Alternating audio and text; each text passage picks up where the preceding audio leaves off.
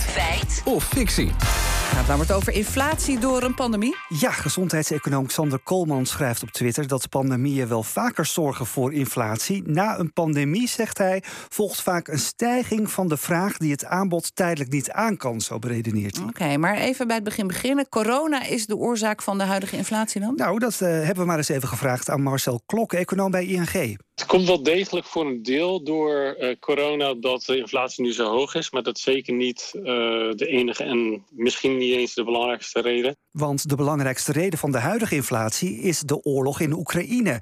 Maar de inflatie begon wel door de pandemie. Wat we hebben gezien is dat de wereldeconomie na corona, eigenlijk toen, toen de lockdowns eraf gingen, ineens heel snel weer opstarten. Uh, mensen wilden weer heel veel kopen. Eigenlijk konden de voorraden dat niet aan, fabrieken konden dat niet aan. En daardoor zag je op dat moment dat de prijzen echt wel uh, gingen oplopen. Ja, je weet het nog wel, al die containers, hè, met name het scheepsvervoer, werd veel duurder door strenge maatregelen in havens.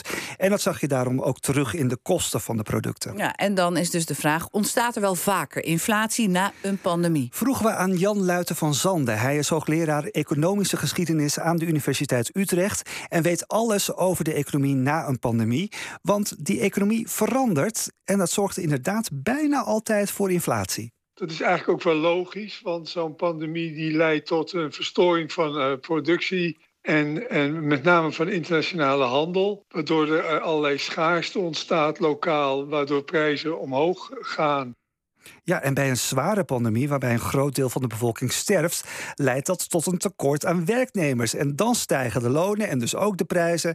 Maar in het verleden was dat wel erger dan nu, zegt Luiten van Zanden. Corona is natuurlijk wat dat betreft een vrij kleinschalig gebeuren. In de zin van dat het deel van de bevolking wat gestorven is heel beperkt is. Maar ik ben teruggegaan naar de zwarte dood van 1348 bijvoorbeeld. Wanneer 30 tot 50 procent van de bevolking sterft. Maar je kunt ook kijken naar 1919, de Spaanse griep. Ja, toen stierf 1 tot 2 procent van de bevolking. Ja, en gezondheidseconoom Xander Koolman die vraagt zich nu af op Twitter... of die inflatie dan uh, tijdelijk is. Hoe zit ja, dat? Nou, die gedachte legden we voor aan econoom Marcel Klok. Dat is een kwestie van definitie. Uiteindelijk uh, is bijna alle inflatie tijdelijk. Je kunt wel zeggen dat, dat die inflatie die is aangewakkerd, heel moeilijk uh, helemaal weer eens te stoppen. Ja, we stelden die vraag ook aan hoogleraar Jan Luiten van Zanden.